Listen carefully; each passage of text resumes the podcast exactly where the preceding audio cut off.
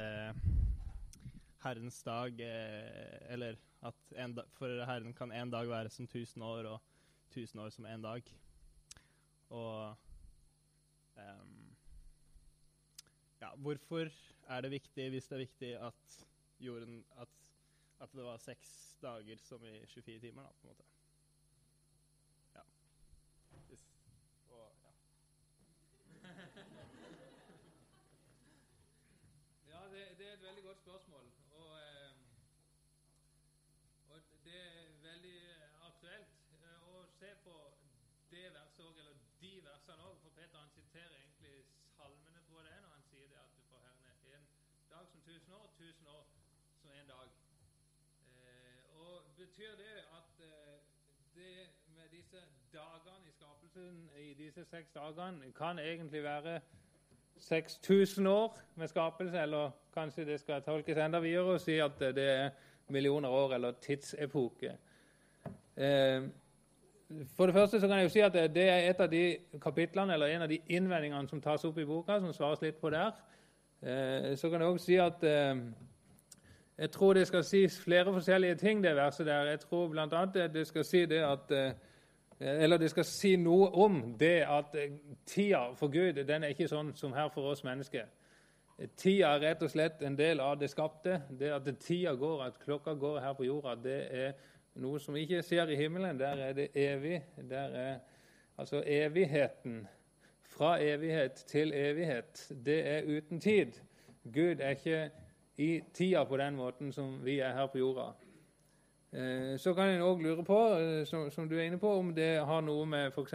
den tida som Gud skapte eh, på, å gjøre. Og kanskje hovedsvaret mitt til, det vil være at, at, det er ikke tida i og for seg som er et problem, men det er konsekvensene av hva han brukte den tida på, for å si det sånn. Brukte Gud den tida på evolusjon, ja, da får du en rekke teologiske problemer med altså at eh, døden kom inn i verden før synden osv. Eh, og, og dermed er det ikke tida i og for seg som er et problem. Problemet er at eh, det fins ikke noen gode modeller eh, fra det det synspunktet som jeg har, da, som strekker ut tida uten å òg føre inn enten eh, teologiske problemer eller vitenskapelige problemer. Eller vitenskapelig inkonsekvens, egentlig. Eh, sånn at det, det er strengt tatt ikke tida som er problemet, men det som skjer i den tida. Eh, og Derfor så tror jeg heller ikke det verset gir noe god oppklaring inn mot eh, skapelsen. Det som noen har pekt på eh, til, i, i en annen retning i forhold til det verset, eh, og som jeg stiller meg åpen i forhold til, eh, det er at det kan peke i retning av at Gud skapte seks Eh, Gud brukte seks dager til å skape, men han vil bruke 6000 år til å frelse, eller til verdenshistorien. Og F.eks. Christian Fagerli, som vel brukes en del her på, på Fjellheim, og, og, og, som har skrevet en bok som heter 'Mot kveld', han går ut ifra en sånn modell at Gud eh, skapte, eh, gjerne på seks dager, hvilte på den sjuende, og så har Gud en frelsesplan med jorda, verdens historie, som går over ca. 6000 år, og med et tusenårsrike på slutten. Eh, og eh, jeg syns egentlig det gir ganske god mening hvis jeg skal lese 2. Peters brev 3 eh, for seg sjøl. Fordi at dette verset står nettopp i den sammenheng med skapelsen, og det står i en sammenheng, egentlig, en større sammenheng som handler om Jesu gjenkomst. Det er det som egentlig er utgangspunktet her. Kommer Jesus til å komme igjen? Ja, sier Peter, eh, dere overser skapelsen og flommen. Og for Herren er én dag som tusen år, og tusen år for én dag. Og Derfor så skal Jesus komme igjen, men han drøyer fordi han vil ha med alle. Han vil at alle mennesker skal bli frelst og komme til sannhetserkjennelse. Grovt oppsummert så er det det som står der. Så var det et spørsmål til om, eh, som kom her på sidelinja, om the missing link. Hva er the missing link? Eh, ofte så, så, For å si det veldig kort, så snakker vi om the missing link som det leddet som skulle liksom finnes mellom apekatten og mennesket. Altså halvapen eller halvmennesket. Eh, nå er det veldig misvisende, fordi at eh, evolusjonslæren lærer ikke at vi kommer fra en apekatt, men den lærer at vi har felles stamfar med apekattene. Altså at for noen eh, eh, noen eh, millioner år tilbake så eh, var det et vesen da som, som var, en, var, stamfar, og som forgrente seg ut i to greiner. Det ene ble til apekatter, det andre ble til menneske. Eh, dermed så finnes det ikke noen nøyaktig missing link mellom ape og menneske, men det finnes masse missing links ifra den stamfaren, som vi heller ikke har. Og så finnes det missing links ikke bare i det leddet som går rett til mennesket, men det finnes missing links mellom egentlig alle de kjente dyreartene, eller dyreslagene, som vi har. Altså missing links mellom katt og hund, mellom hest og ku og mellom alle forskjellige slags dyr. Så hevdes det av og til at noen sånne missing links fins. Finnes altså at det dukker opp nye fossiler, f.eks. Ida, som ligger på Naturhistorisk museum i Oslo, eh, som skal være en sånn missing link, og Lucy, som ble funnet i Afrika for ikke så lenge siden, som, som skal da være missing links mellom et, et apemenneske og et menneske.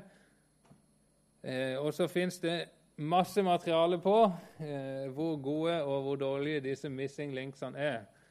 Mange av de viktigste har holdt i noen tiår, og så har det vist seg at det har vært fake, rett og slett. Det, eh, det, sånn, sånn, har det vært mange ganger. Og sånn som Lucy, som er en av de mest kjente akkurat nå, er det mange som peker på at det består av en blanding av eh, Eh, av to forskjellige funn. Det er visstnok på det rene at det er to forskjellige funn av skjelett, rester som ligger noen kilometer fra hverandre, som er satt sammen til ett skjelett. Eh, I tillegg så eh, tegner man dette mennesket når man tegner sånne tegninger av, av, av Lucy som et oppegående menneske, altså et høyreist menneske som går på to føtter. Det aner man ikke om det var, fordi det er ikke funnet skjelettrester fra beina. Så man vet ikke om det var denne gripekloa til en apekatt, eller om det var flat, en flat fot til et menneske. Man har rett og slett ikke funnet den delen av skjelettet. Så alt tyder på fra et kreasjonisthold, eller fra et, eh, de som tror på skapelse, og de forskerne som, som, som, ikke tror på evolusjon, da, tyder på at eh, dette her, eller, eller mener på at dette her er et sjimpanseskjelett, mer eller mindre, i sin helhet. Det var litt grann svar på det, men det er masse forskjellig stoff. Jeg tror vi slipper til neste.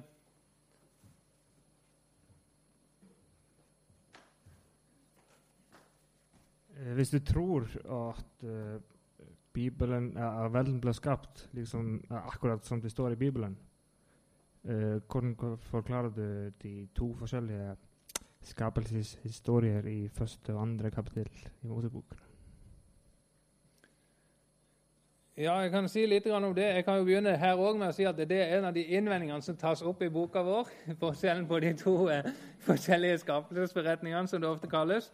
Grunnleggende sett så handler det om at det først er et, et, eh, skjema der det listes opp hva som skjer på de forskjellige skapelsesdagene, fra dag 1 til dag 6. I kapittel 2 så er det et helt annet fokus. Det er fokus på skapelsen av mennesket.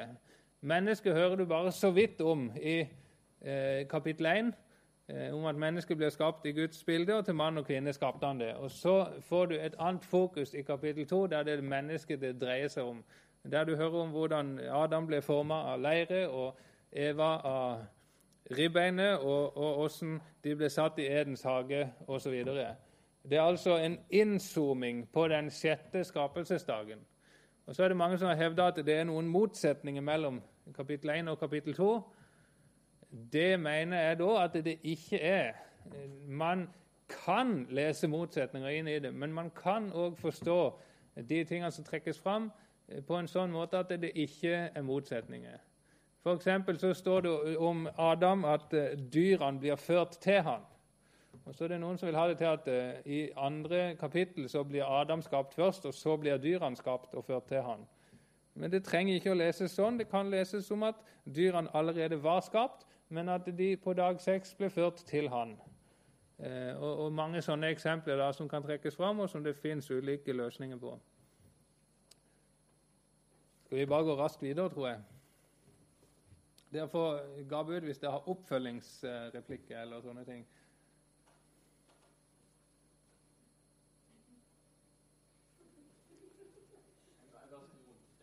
Du må løpe fort, da.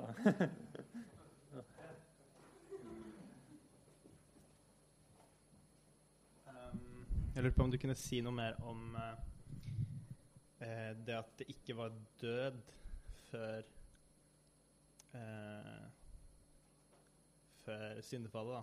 Eh, for eh, veldig mye av vår forståelse av virkeligheten i dag eh, er jo på en måte eh, det, det er vanskelig å tenke seg, da, eh, hvordan det kan være.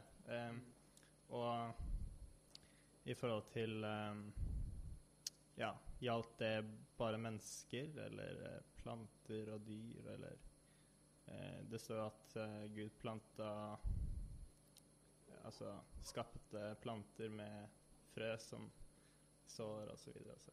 Mm.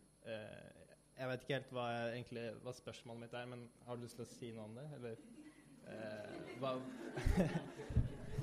um, Spørsmålet er vel egentlig hva Hvordan eh, eh, Har vi noe svar på hvordan det da eh, var før syndefallet? Uten død. Altså um, Ja. Em, for ja Eh, Jorda sånn er jo avhengig av at planter dør, og så kommer det en ny tilførsel av næring og så, sånne ting. Er det ikke det? Eller Ja.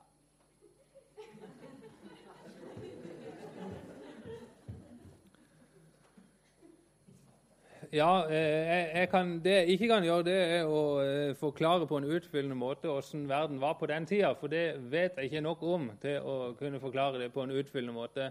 Det kan vi bare prøve å forestille oss, og vi kan òg bare prøve å forestille oss hvordan det skal bli på den nye jord når ulven skal bo hos lammet, og løven skal tygge strå som oksen osv. Eh, men det er altså det som òg er litt av bildet i forhold til begynnelsen. Eh, Gud ga til dyrene planter som føde, står det. Og det står òg det samme til menneskene, at han ga de planter som føde. Eh, Sånn står det òg om at det skal bli på den nye jord på slutten. Så står det òg eh, spesifisert etter flommen, når Noah og sønnene kommer ut av arken, at nå får de kjøtt å ete. Nå skal de få lov å spise kjøtt. Bare kjøtt med blod i skal de ikke spise.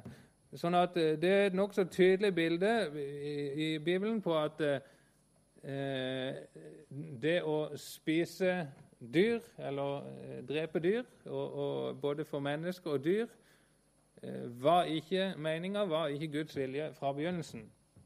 Så kan en spørre seg åssen funka det, og hva med planter? Kunne en plante dø? Eh, hva med den frukten som Eva spiste, døde ikke den iallfall? Eller hva er egentlig liv, blir da fått spørsmålet. Eh, de som har satt seg mye inn i dette, her, de peker på at det er en avgjørende forskjell eh, både i Bibelen og i hebraisk tenkemåte når det gjelder liv. At liv hos dyr og mennesker er noe annet enn eh, en, en, en, en planteliv. Altså, eh, egentlig vil de si at en plante lever ikke eh, på den måten. Eh, Men det fins mye flere problemer enn bare dyr og planter her. For det fins mikroorganismer, og det fins alt mulig forskjellige slags eh, biologiske ting som, som, eh, som kan utgjøre et problem, iallfall hvis vi skal forsøke å ha svaret på alt. da. Eh, noen, eh, noen sånne eh, mikroorganismer må visstnok dø for at vi skal greie å fordøye maten vår, f.eks. Så hvordan ville det ha funka hvis det ikke skulle være død overhodet på den måten? De spissfindige spørsmålene der for å si det sånn, de, de, de kan ikke jeg svare utfyllende på. Det er en del som prøver på det, ser jeg. Og, og det, det kan sikkert være gode svar òg. For min del så har jeg ikke satt meg veldig dypt inn i de spørsmålene. For meg så eh, har jeg eh, syntes at det har vært nokså tydelig hvordan dyrene skulle spise planter, hvordan de skal det på slutten, hvordan mennesket skal, skal eh, spise, skulle spise planter og, og, og, ble gitt kjøtt, og antageligvis igjen skal være vegetar vegetarianer, tenker jeg, i, på den nye jorden. Jeg vet ikke om jeg skuffer noen, men Men eh, em, Ja. Det er veldig mange eh, ting en, en, en, kunne dratt inn her, men eh, jeg vet ikke om du fikk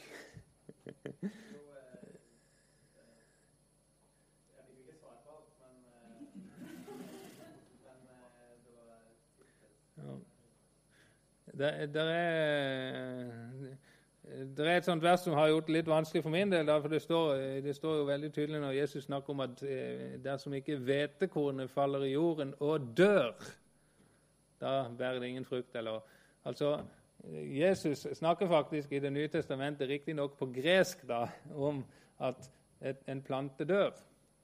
Så hvordan henger dette sammen med skapelsen? ikke sant? Med, med det var der? Det, det kan jeg ikke svare på. Eh, men, eh, men eh, jeg syns samtidig det er tydelig nok hvordan døden i, i, i mennesker og, og dyreriket var et faktum først etter syndefallet.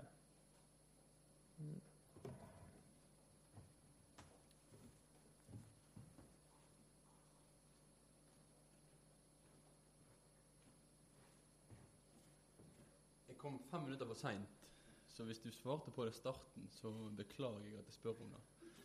Men eh, du går eh, veldig ut ifra at første Mosebok kapittel 1 skal forstås bokstavelig. Og så er det dette med sjangerspørsmål i Bibelen. Og Jeg har registrert at det er ganske mye forskjellig oppfatning akkurat om sjangeren på kapittel 1 når det begynner av kapittel 2 i første Mosebok. Hva er dine hovedgrunner til at du vil forstå det på den måten som du gjør det? Kapittel 1, altså. Og oppfølgingsspørsmål som kanskje er litt vanskelig. Ser du noen utfordringer med den tilnærmingen til kapittel 1? Ja, takk for mange gode spørsmål. Nei, altså, det, det første spørsmålet det det undrer seg litt over at det, trekkes fram igjen og igjen, dette med sjangeren til Første Mosebok. Fordi at det er stort sett ikke Første Mosebok som trekkes fram når det hevdes at jorda ble skapt for 6000 år siden. Når det hevdes at, at, at jorda er ung, og at, eh, at, den ble skapt på seks dager. Eh, og, og, kanskje skulle du vært der i begynnelsen, for jeg begynte med å ta litt fra 1. Korinterbrev 15 om Adam og Eva. Jeg vet ikke om du fikk med deg det. Eh, men, men, men der står det altså eh, svart på hvitt, så langt jeg kan se, at Adam er en historisk person av kjøtt og blod, sånn som du og meg. Eh, som de jordiske er den jordiske når han snakker om Adam, og, og at han var det første mennesket. Og da er det på en måte ikke min sjangerlesning av Første Mosebok 1 eh, som blir utslagsgivende, men Paulus sin oppfatning av Første Mosebok 1. Eh, og jeg vil også si Jesu oppfatning av Første Mosebok 1, når han f.eks. snakker om at Gud fra begynnelsen gjorde dem til mann og kvinne. Eh, når, når både Paulus og Jesus og Peter og mange i Det nye testamentet henviser tilbake til det som kalles for urhistorien, de første elleve kapitlene, som om det er historiske hendelser. Eh, det er mitt hovedpunkt for hvorfor jeg oppfatter det sånn. Ikke med en isolert lesning av Første Mosebok 1, men med et samla bibelsk perspektiv. Um, og så spør du om det um, beror på noe Eller om det gir noen utfordringer. Var det ikke det du spurte om? Og ja, det gir noen utfordringer, for det betyr at eh, jeg nødvendigvis må være uenig med store deler av det eh, anerkjente og etablerte forskningsparadigmet om at alle prosesser jorda på jorda har alltid har vært like. At det ikke har vært noen store kataklysmer, sånn som flommen. At det ikke har vært en jord som har blitt lagt under forgjengelighet. Eh, og, det, det, gjør at eh, mange av de konklusjonene som presenteres for meg fra vitenskapelig hold og som vitenskap, eh, de blir jeg ergo uenige med. Og jeg vil da bestride det grunnlaget som de den forskninga har gjort på. Altså, jeg vil bestride, bestride vitenskapsfilosofien, eller grunnlaget for vitenskapen. Ikke bevisene i seg sjøl. For jeg stoler på at biologene de fører sine bevis til punkt og prikke, og geologene fører sine bevis til punkt og prikke opp på det grunnlaget som de forsker på.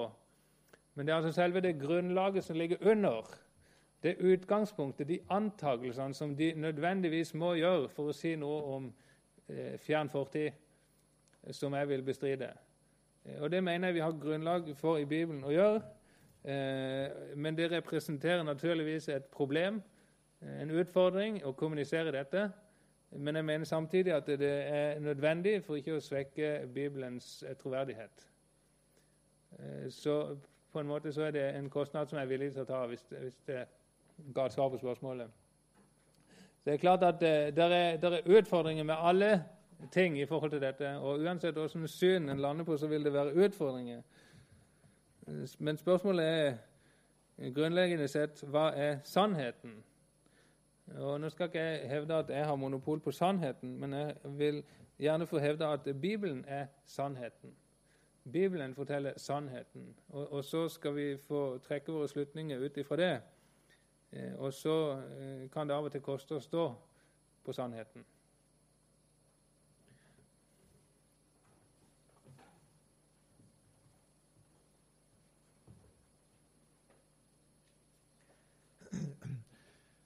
Eh, først, eh, Andreas, det var veldig flott. Jeg er veldig glad for uh, det, dette som du legger fram, og det du har skrevet i, i uh, boka di, og, og, måten du uh, argumenterer på. og På bibelskolen så skal vi ha truslære om skapelsen i, i morgen, så, så, dette var en god start på dette. det er bare der er et par punkter som er kanskje eh, ikke er fullt så overbeviste eh, som, eh, som, du er. Eh, men jeg sier ikke at du tar feil eh, på det. Eh, det ene, og som jeg er mest usikker egentlig, det er dette med om om når, når, Moses skriver om dette med at vi skal arbeide på seks dager og hvile på den, den sjuende, og nevne at skapelsesdagene var seks, og at himmel og jord var med da. Eh, om de, den, eh, de, de versene der har bærekraft nok eh, til å si at eh, disse to første versene, altså det som står før Gud sa 'bli lys', at det er inkludert i, i uh, første skapelsesdagen.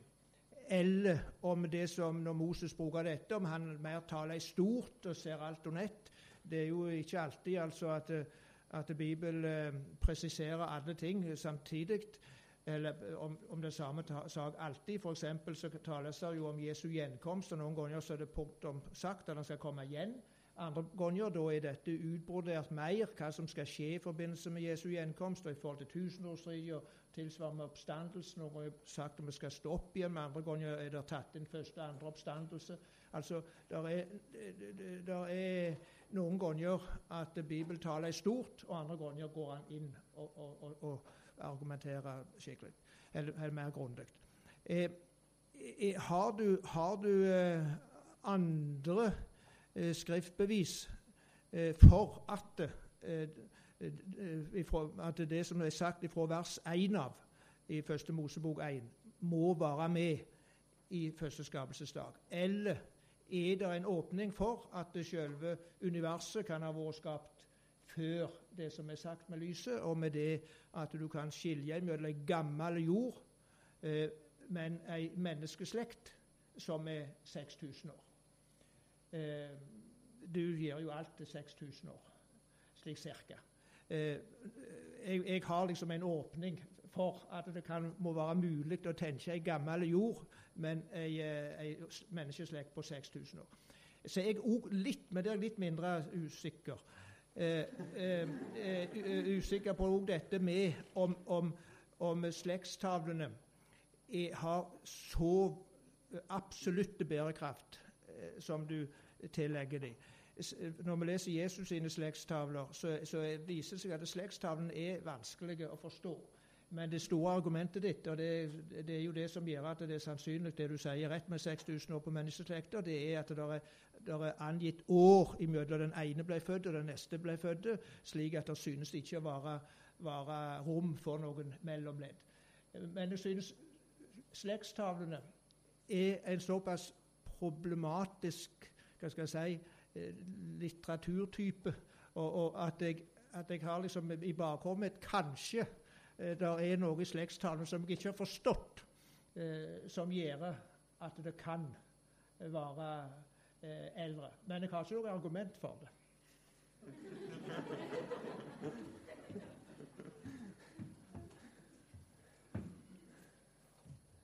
Ja eh, det, Vi har jo et bibelvers som sier at vi ikke skal krangle om slektstavler. Så, så det må vi ikke gjøre, iallfall. Men um, Hva sier du for noe? Nei, eh, vi får ta det siste først. Slektstavlene, som du sier, så, så, så, så står jo det nokså tydelig hvor mange år som er imellom. Men det har vært, ofte vært vanlig fra eh, et ung jords kreasjonistisk hold, eller fra de som tror på ung jord, å snakke om 6 000-10 000 år. Eh, og på en måte gi det litt rom i forhold til at det, kan være noen strekk her i, i slektstavlene. Eh, nå har vi bare valgt, eh, vi som skrev den boka, å skrive ca. 6000 år, for vi ser egentlig ingen grunn til å strekke det noe lenger enn ca. 6000 år. Men poenget er på en måte der at at det løser ingenting i forhold til de forskjellige teoriene som fins, om, om vi skulle strekke slektstavla med 1000 år det, vi kan godt strekke slektstavla med 1000 år, men, men, men det gjør allikevel ikke en gammel jord noe mer sannsynlig eller mindre sannsynlig. Eh, det, det, du må strekke det veldig langt. Altså, du, må, du, må, strekke det til en 200, år, 200 000 års historie av mennesket hvis du på en måte skal komme til rette med, med mennesket. Og da, da, gir det ikke så veldig mye mening å snakke om den slektstavla lenger. Eh, da må det være ganske store håp, og da får du igjen en del andre problemer.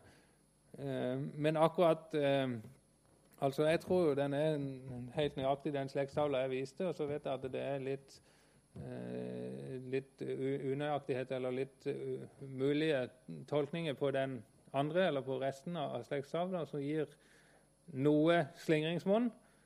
Eh, men jeg kan ikke se at det er grunn til å, å, å strekke så veldig på det. Og jeg kan heller ikke se ut ifra vår sekulære historie at det er noen grunn til å strekke så veldig på det ut ifra den historien som presenteres oss i historiebøkene, menneskehetens historie, de store sivilisasjonene og det som har skjedd på jorda, det som vi faktisk har skriftlige og bygningsmessige arkeologiske eh, funn etter, så ser det ut som at jorda har en ung historie. Så kan vi gå til over på radiometriske dateringer av ting som gjør at eh, noen ting ser eldre ut igjen. Sånn som f.eks. hulemaleriet, som blir datert ved hjelp av karbon-14-metode, og, og, og, noen sånne ting. Eh, som, som, som, som, dateres eldre igjen. Mens den håndfaste arkeologien og, og skriftlige kildehistorieforskninga som vi har, tyder på at mennesket er ca. 6000 år gammelt. Eh, det andre spørsmålet ditt det var i forhold til først, nei, andre Mosebok 20 og, og, og, det verset der det står Jeg kan jo Nei, det tok lang tid. Finne det opp her igjen, tenkte på.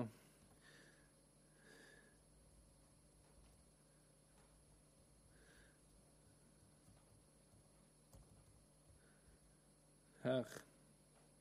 Der ser det sånn sirkus der, iallfall. Eh, altså, Seks dager skal du arbeide og gjøre all din gjerning, og den sjuende skal du hvile og ha sabbat. For på seks dager gjorde Herren himmelen og jorden, havet og alt det som er i dem. Altså, du etterlyser mer skriftbevis på dette her. Men jeg, jeg, mener jo kanskje at det, det står ganske tydelig der at på seks dager gjorde Herren himmelen og jorden. Og det er altså det som står i vers 1 og havet og alt det som er i dem. Det er det som står i resten av versene etter dette øde og tomhet. Eh, og så tenker jeg at Dette er den likefremme lesninga av det, at Gud gjorde alt på seks dager. Det er òg den likefremme lesninga av Første Mosebok 1. Eh, og så kan jeg selvsagt gjøre med andre teorier og undersøke de. Eh, Men jeg kommer lite til rette med de vitenskapsmessige utfordringene ved å si at Gud gjorde himmelen og jorden på en, dag for 5 eller 13 milliarder år siden, og så begynte han, begynte han å skape alt liv for 6000 år siden. For hvorfor vil jeg legge inn et sånt sånn et skille mellom vers 1 og de andre versene 3-31? Hvorfor, hva er, hva, hva, er grunnen til at vi skulle eventuelt tenke at Gud skapte himmelen og jorden, og så venta han i mange milliarder år før han skapte liv, før han skapte mennesket? Jo, det er noen enkle grunner. Det ene er evolusjonsteorien, den biologiske evolusjonen av alt liv. Vi trenger lang tid for å kunne tenke oss at det skal ha funnet sted evolusjon av alt liv. Den andre grunnen det er geologien, fordi vi finner disse lagene med fossiler i. Da må du òg akseptere at det har vært død i verden før syndefallet, hvis du skal legge inn den forklaringa. Eh, og så, så, blir det egentlig astronomien du står igjen med, at lyset fra stjernene kanskje blir det, det avgjørende problemet som gjør at du tenker at universet må være så gammelt. Jeg mener det er lite grunn rett og slett til å tro at det er dette spennet. Du, du, du, man gjør det for å imøtekomme en forskning som gjøres på et grunnlag som er feil, ut ifra Bibelen. At jorda alltid har vært lik. Og, og, og, Derfor kan jeg ikke helt se poenget med det. Jeg vet ikke om du følte det ga mening, det svaret?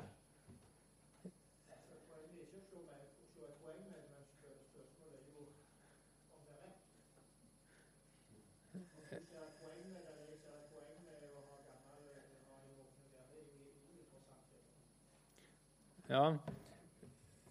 ja jeg, jeg, altså jeg, har ikke noen flere skrift, skriftbevis som peker akkurat på dette enn en, en Første Mosebok 1 og, og Andre Mosebok 20. Men jeg mener det er ganske tydelig, og jeg mener at eh, tolkninga på at her skulle det være millioner år imellom disse versene, den er fundert ut ifra et ønske om å imøtekomme en forskning som er bygga på et paradigme om at jorda alltid har vært lik og ikke har vært lagt under forgjengelighet og forbannelse for å si det litt kort. Jeg tror vi skal hoppe videre. og så er jeg, jeg, veldig komfortabel med at, eh, at vi har eh, litt forskjellige eh, oppfatninger om akkurat de tingene der.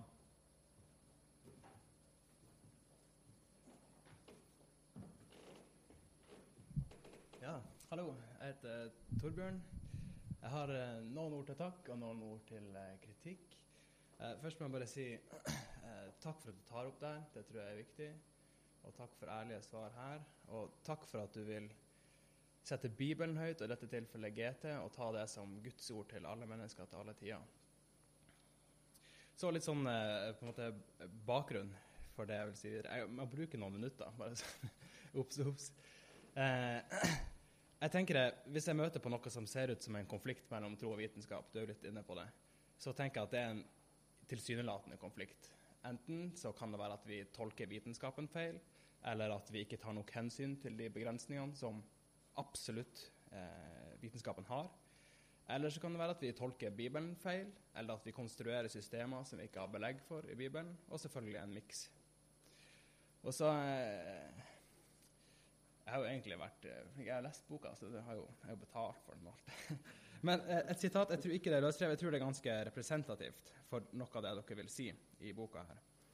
Eh, resultatene fra vitenskapen, uansett bakgrunn og intensjon, vil alltid være usikre og feilbarlige. Skriften alene, derimot, er Guds åpenbarte ord.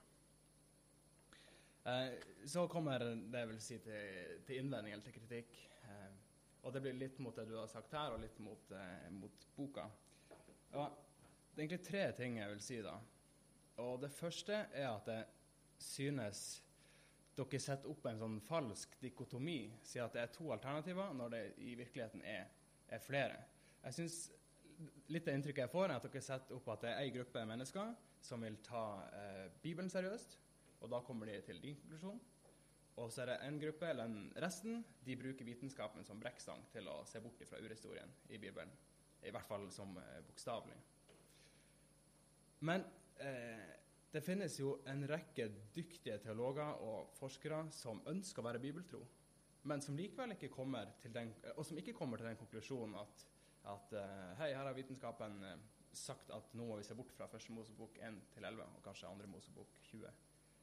Um, så det jeg egentlig mener da, det er at eh, Eller du sier at, at, man må sette Guds ord over vitenskapen, eller i hvert fall ikke bruke vitenskapen eh, og den over Guds ord. Men det jeg egentlig syns dere gjør da, det er å ikke sette eh, Guds ord over vitenskapen, men sette eh, en tolkning av Bibelen over både vitenskapen og over Guds ord. Så det var det første. Det andre er at jeg har vært uh, dypt inne i ung jord-kreasjonisme. Før jeg brukte Jeg syns det har vært veldig spennende og var nok veldig ivrig på det. Men etter hvert så syns jeg bare det har har det nok gått opp for meg at jeg syns det er masse bortforklaringer og sånn stråmannsargumentasjon.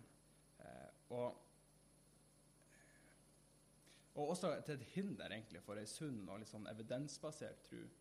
Og han, eh, Richard Dawkins, den, en sånn kjent ateist, han anklager jo gjerne kristne for å ha ei blind tro. Og det meste av det syns jeg ser nå innenfor unge jordkreasjonisme, det, det, gir han god grunn til å si det, syns jeg.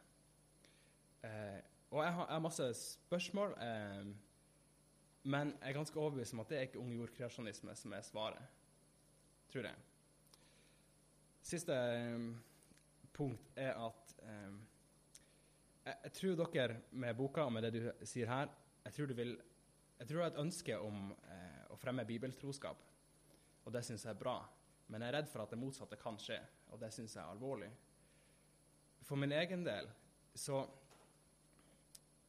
noe som har gitt meg skikkelig frimodighet de siste årene, det er å oppdage de her folkene som både ønsker å være bibeltro, men som ikke bruker det til å gjøre en sånn eh, ideologisk avvisning av vitenskap. Det har gitt meg masse frimodighet i trua på Jesus og i trua på Bibelen. En frimodighet som jeg må si var blitt nesten borte pga. ung jordkreasjonisme.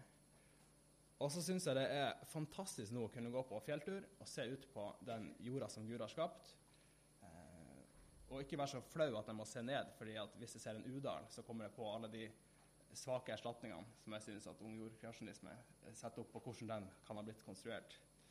Um, ja. Så eh, altså, jeg syns dere setter opp en falsk dikotomi, og så syns jeg at ung jordkreasjonisme på et vitenskapelig grunnlag faller helt gjennom. Og det er ganske krass kritikk. Jeg har ikke lyst til å eh, sette opp noe krangel eller noe sånt, og jeg, og jeg har virkelig tro på det du skal fortelle om også om Jesus i julehistorien. Men jeg syns det er viktig at det her blir ja, Det var veldig viktig for meg at noe sånt her blir sagt også. Ja. Mm.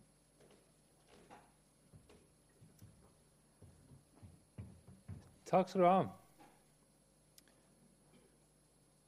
du hadde mange forskjellige punkter, og jeg vet ikke om jeg husker de alle sammen en gang. Um, men jeg tror det, litt av det som, som, som du er, i fall er inne på, det er dette med å, å, sette opp liksom to rake motsetninger, og så ikke se noen mellomveier. Eh, og det eh, kan jeg godt si bitte grann om. Eh, når det gjelder den boka, så har vi valgt eh, å ikke bruke halve boka på å skissere alle slags mellomveier. For, for vi har vært overbevist om at uh, de mellomveiene ikke er gode mellomveier. Eh, og, og, dermed så har det eh, eh, vært viktig å få fram de utfordringene som det innebærer. Både, både en ren naturalistisk evolusjon, selvfølgelig, men egentlig først og fremst en teistisk revolusjon eller eh, en gammel jordkreasjonisme, iallfall i noen former. Eh, men det er riktig som du sier, at det, det fins eh, veldig mange forskjellige eh, nyanser. Eh, noen av de nyansene er bedre enn andre nyanser. Eh, det som for meg blir et sånn et, et punkt som gjør at, at jeg må melde litt pass når det gjelder Eh, for min egen del eh, å tenke bibeltroskap eh, og en del av de mellomveiene, det er når jeg ser på hvordan man kommer til rette med sånn som flommen. Eh, når jeg ser på hvordan man kommer til rette i forhold til dette med eh, døden og synden, rekkefølgen på de. For der vil en fort finne ut, hvis en begynner å lese en del alternative kompromiss på en måte mellom vitenskap og, og en likefrem lesing av Bibelen, at det er svært få modeller der du ikke ser vekk fra en global flom, eh, og der du ikke ser vekk fra en verden som var overmåte god fra begynnelsen. Og de punktene, eh, isolert sett, eh, syns jeg iallfall, hvis jeg skal uttrykke meg forsiktig, grenser til mangel på bibeltroskap. Eh, så mener ikke jeg det at det er sånn at noen teologer er bibeltro, og andre er det ikke. Punktum. Men jeg mener at vi alle, og som du sier fint, eh, som ønsker å være bibeltro Vi søker å være det, eh, og vi vil være det på noen punkt, og på andre punkt ikke. Jeg tror ikke at jeg er bibeltro på absolutt alle lærepunkt. Jeg tror jeg tar feil på noe. Jeg tror jeg har rett i ungjordskreasjonisme, men jeg tror jeg tar feil på noe. Eh, og jeg tror, noen, eh, eller tror andre, andre, teologer her i Norge, om de er, om de er eh, på en måte toneangivende eller ikke, så tror jeg de tar feil på enkelte punkt.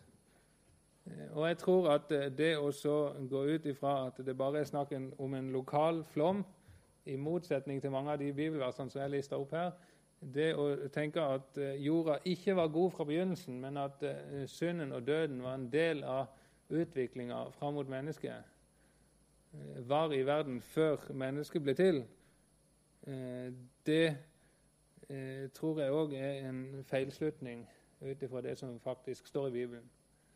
Sykdom òg er et element oppi dette. Det finnes f.eks. dinosaurskjelett eller, eller fossil som har, har, blitt funnet, som har bærer tegn på at dinosauren har hatt kreft. Så kreften var altså en del av den verden som Gud skapte i utgangspunktet før syndefallet, hvis vi skal ta på alvor eh, sånne modeller. da. Eh, og, og, og, det finner jeg egentlig strengt tatt ikke forenlig med bibeltroskap. Så har jeg full respekt for at noen ser sånn på det, og jeg har ikke til hensikt å, eh, å, å, å dømme noen for dette her. Jeg mener eh, selvsagt at det er troen på Jesus Kristus som frelse og ikke troen på ungjordkreasjonisme. Og Det er mange un ungjordkreasjonister som kommer til å gå fortapt. Kain var antageligvis den første. Eh, sånn at dette er ikke noe sånn mirakelkur i forhold til å, å, få et rett syn på Bibelen. Men jeg tror det er et viktig element, jeg tror det er et viktig, eh, et viktig punkt der vi kan oppleve å få styrka troen. Eh, og der vi kan oppleve å, å, få svar på noen av de utfordringene som møter oss i, en, en sekulær, naturalistisk verden i dag. Eh, og For meg så har det ført, og det må jeg bare innrømme, må takke for ditt vitnesbyrd òg, for, for, for, for, meg så har det ført til en stikk motsatt eh, dreining i mitt kristenliv. Eh, det å komme inn i disse tingene. Eh, og, og, jeg, jeg nyter òg synet av Udalen og Vedalen og alt sammen. Men jeg har litt alternativ forklaring på det enn det. Um, og det, det får være greit. Vi får leve som brødre.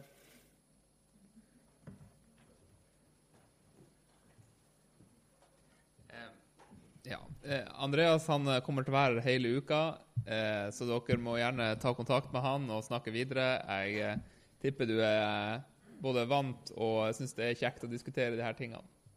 Ja, så Hvis dere har flere spørsmål, så er han her resten av uka.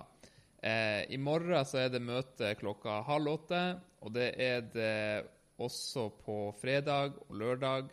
På søndag er det klokka fem. Og Da er det Andreas som taler over Jesus i urhistorien. Eh, så sa Kristian også at jeg skulle nevne at på fredag så er det mulighet for frie vitnesbyrd. Eh, hvis det er noen som eh, har noe de ønsker å dele med resten. Så det kan dere jo tenke på frem til da.